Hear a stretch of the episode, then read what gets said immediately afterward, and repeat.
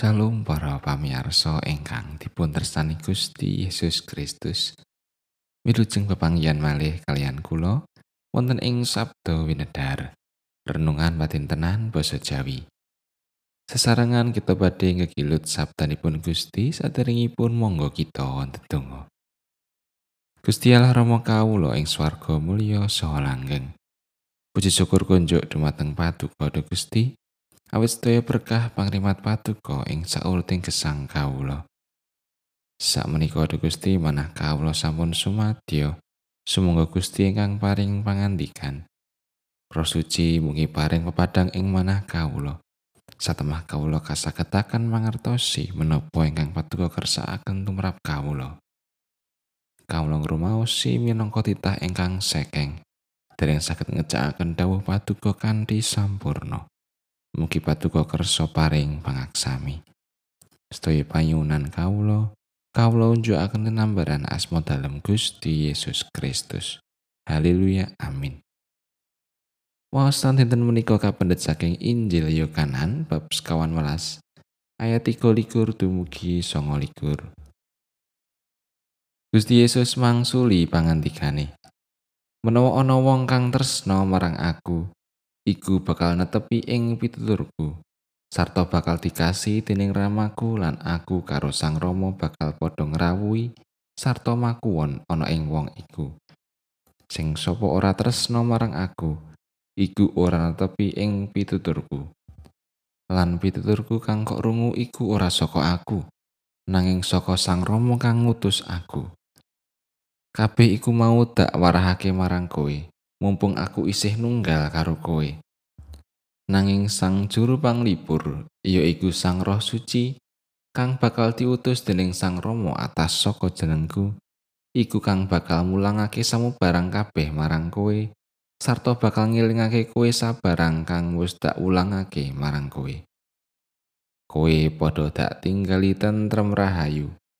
Tentrem rahayuku tak wenehake marang kowe. Lan opo kang tek wenehake iku ora kaya pawewe jagat marang kowe. Atimu aja melang-melang lan aja kiris. Kowe wis padha krungu yen aku wis kandha marang kowe. Aku lunga nanging bakal nekani kowe maneh. Menawa kowe tresno marang aku, kowe mesti padha bunga dene aku lunga menyang ngarsane Sang Rama. Sebab Sang Rama iku ngluwi aku. Lan saiki uga kowe padha dak tuturi sadurunge bab iku kelakon supaya samangsa kelakon kowe padha percaya makaten pangandikanipun Gusti ayat na ayat 17 C. Atimu aja melang-melang lan aja giris. Gusti Yesus pirsa bilih manahipun para sekabat temtu badhe ngraosaken sedih. Nalika panjenenganipun mangke sumengko kundur dateng tengenipun Sang Rama. Gusti Yesus lajeng nglipur manahipun para sekabat supados sampun ngantos sumelang awit panjenenganipun badhe ngutus Sang Panglipur. Inggih menika Sang Roh Suci ingkang badhe ngreksa lampahipun para sekabat. Sinaosa mboten ketinggal sacara kasat netra. Ananging Sang Roh Suci mboten badhe nilar para sekabat. Anggenipun sami ngadepi sak perangan kangelaning gesang ing tembe.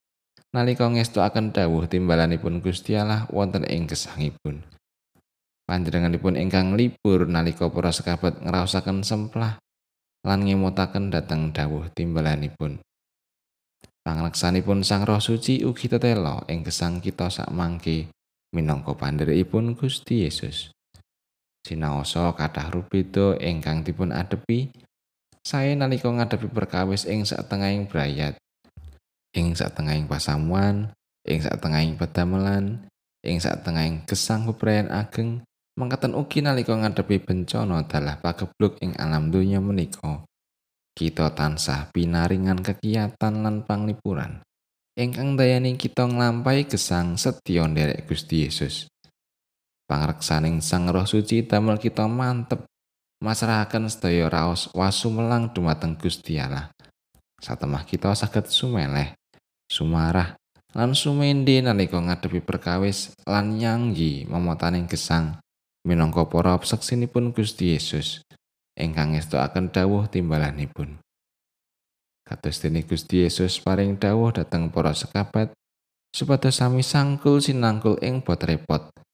Mangkatan ugi kita ing sak mangke kadhawuhan supados sami nderek nyangga momotan kita setunggal lan setunggalanipun. Sang Roh Suci ingkang manjing ing manah kita saha panyengkuyungipun para sederek sapatunggilan ndayani kita tatak lan tanggon ngestokaken timbalanipun Gusti Allah. Amin.